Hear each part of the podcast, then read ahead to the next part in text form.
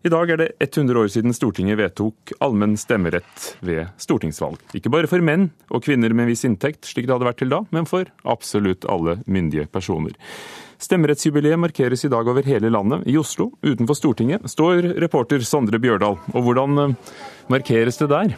Jo, nå kom akkurat eh, en trommende gjeng med kvinner gående opp fra Norsk Sykepleierforbund. Linn Skårberg står på scenen. Og, oi, og det er, markeres med musikk og mye moro og sol og veldig mye forskjellige folk, som det ofte er da på Karl Johan. Ja, Er det helt fullt rundt deg? Jeg vil si det er ja, i hvert fall en del hundre folk som, som har samla seg her i sola.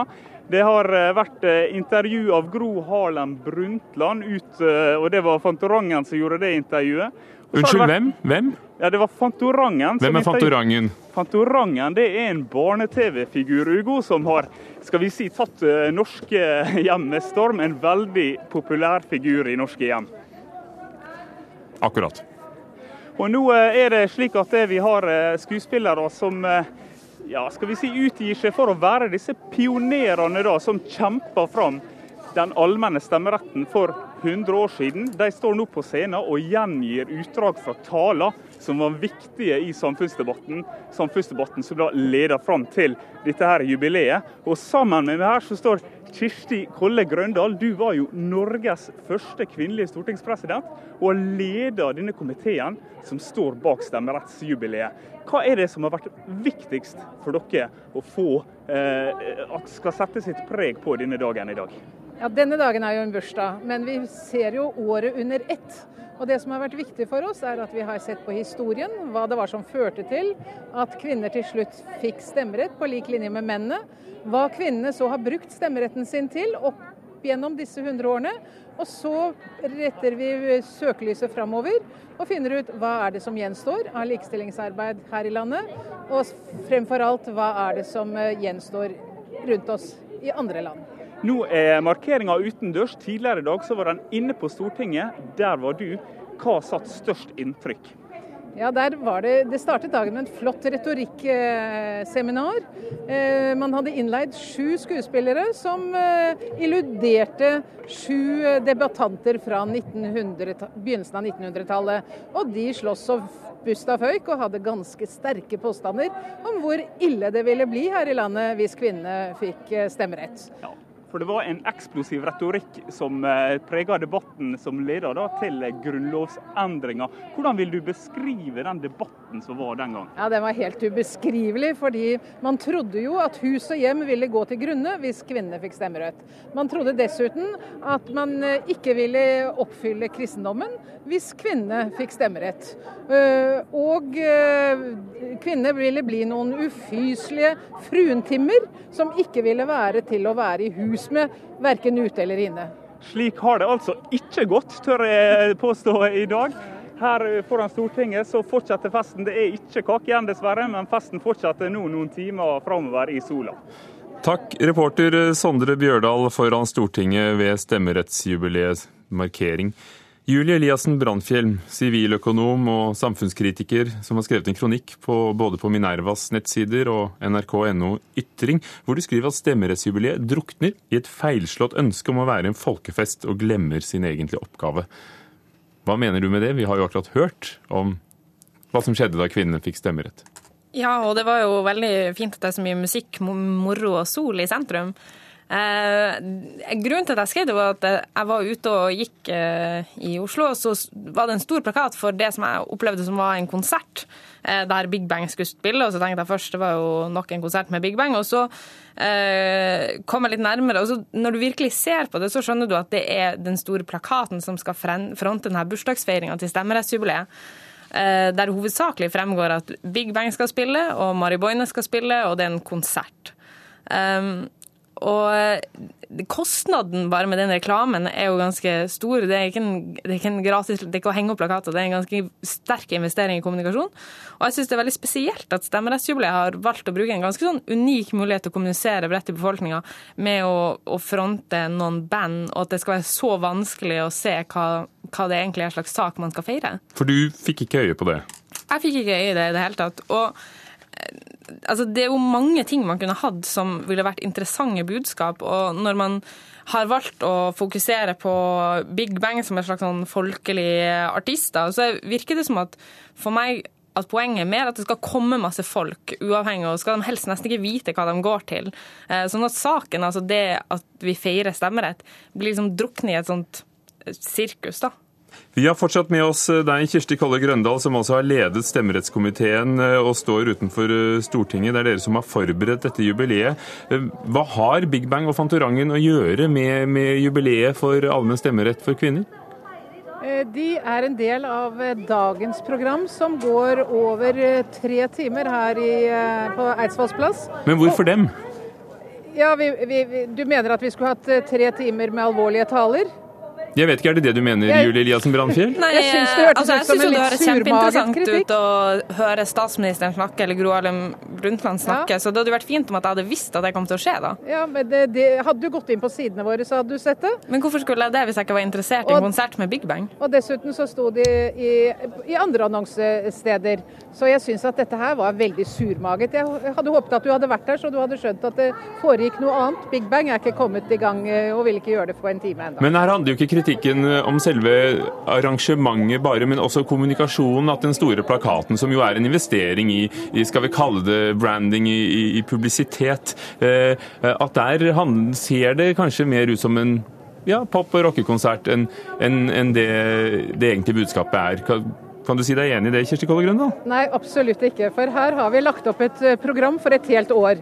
Og det har vært veldig mye reklame rundt det. Og hvis eh, debattanten hadde brydd seg med å lese en avis, sett noe på sidene, fulgt med i TV, så hadde hun skjønt at dette jubileet handler om veldig mye annet. Men vi må jo kunne få lov til å ha litt musikk også, så jeg syns det er en helt forfeilet kritikk. Jeg skjønner det absolutt ikke, jeg syns det høres surmaget ut. Unnskyld meg. Det er jo alltid veldig lett å si at folk er sur hvis de syns at du har gjort noe litt slurvete.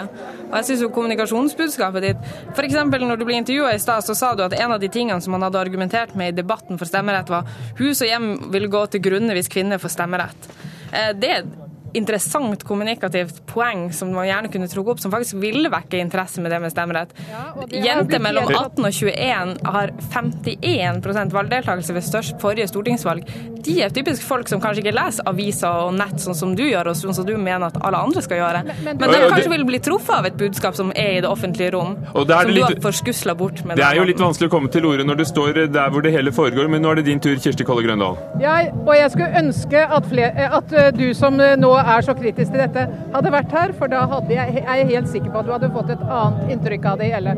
Og Dessuten, i tillegg til det som skjer her på Eidsvolls plass, så skjer det noe i alle byer rundt omkring i hele Norge.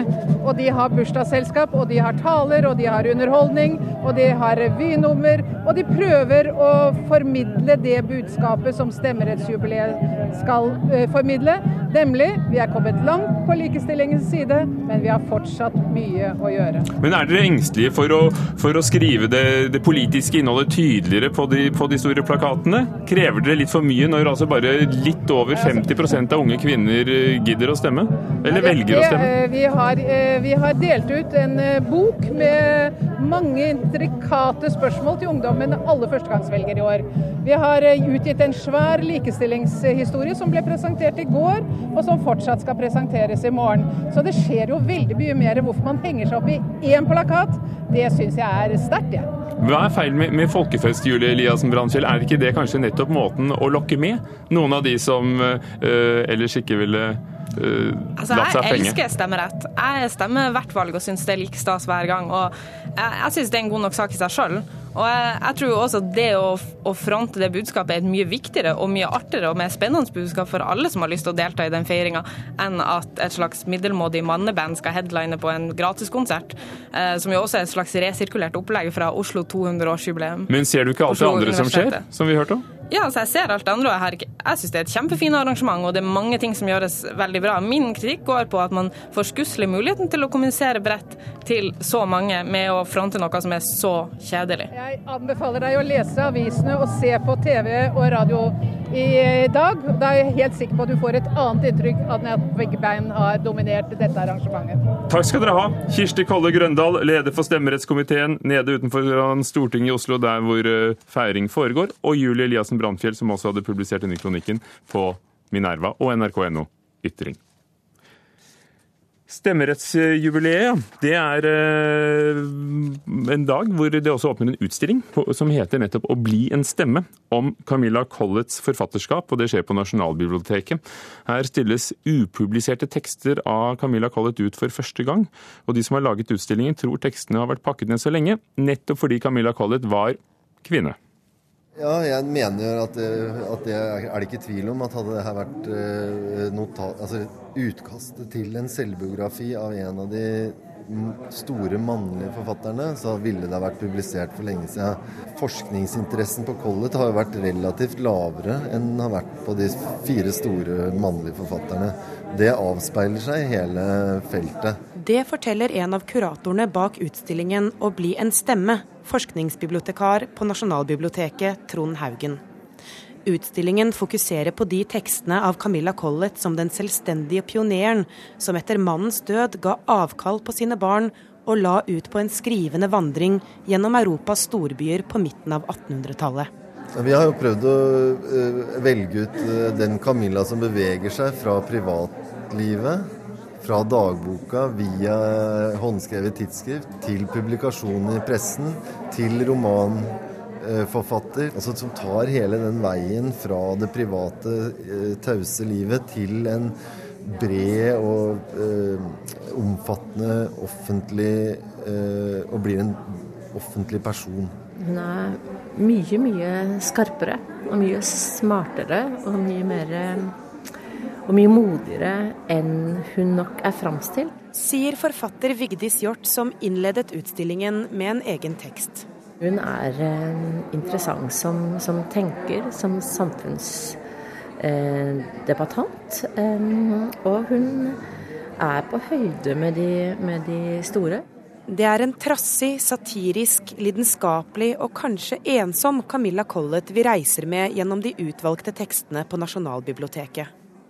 Publikum kan bevege seg fra den ene europeiske storbyen til den neste, gjennom København, Hamburg, Paris og Roma, og lese tekstutdragene hun bar med seg i kofferten. En av de sentrale erfaringene hun har i Berlin, det er jo at det er mulig for en kvinne å gå langs Berlins gater uten å bli utsatt for ubehagelige henvendelser. Og vi, på sitatet der så kan dere lese jo, vi vil gå. Vi vil gå allikevel. Vi må gå. Enda viktigere er det at her møter vi ikke datteren til Nicolai Wergeland, søsteren til Henrik Wergeland eller forelskelsen til Welhaven, men hånden som førte pennen. Umiddelbart så er det det som har slått oss, at just, det er da veldig rart at man skal være så opptatt av den forelskelsen. Og hun har så mye å fare med eh, for seg sjøl. Det er jo litt av den årsaken til at vi ikke tematiserer det i veldig stor grad i denne utstillinga her. Nå er det Collett og Collets tekster som står i sentrum, og ikke hennes relasjoner til menn. Likestillingsminister Inga Marte Torkelsen åpnet utstillingen, og hadde også gjort seg tanker om Camilla Collets radikale valg om å forlate sine egne barn for å reise og skrive. Jeg tenker at eh, det er en veldig sterk historie, eh, og den deler hun med mange andre kvinner i Norge og i verden den dag i dag. Og samtidig la oss inspirere til å se at eh, det private og personlige menneskelivet, det har politiske dimensjoner også sa likestillingsminister Inga Marte Torkelsen som åpnet utstillingen på Nasjonalbiblioteket i Oslo. Den henger til september, og vår reporter der var Dana Vanono.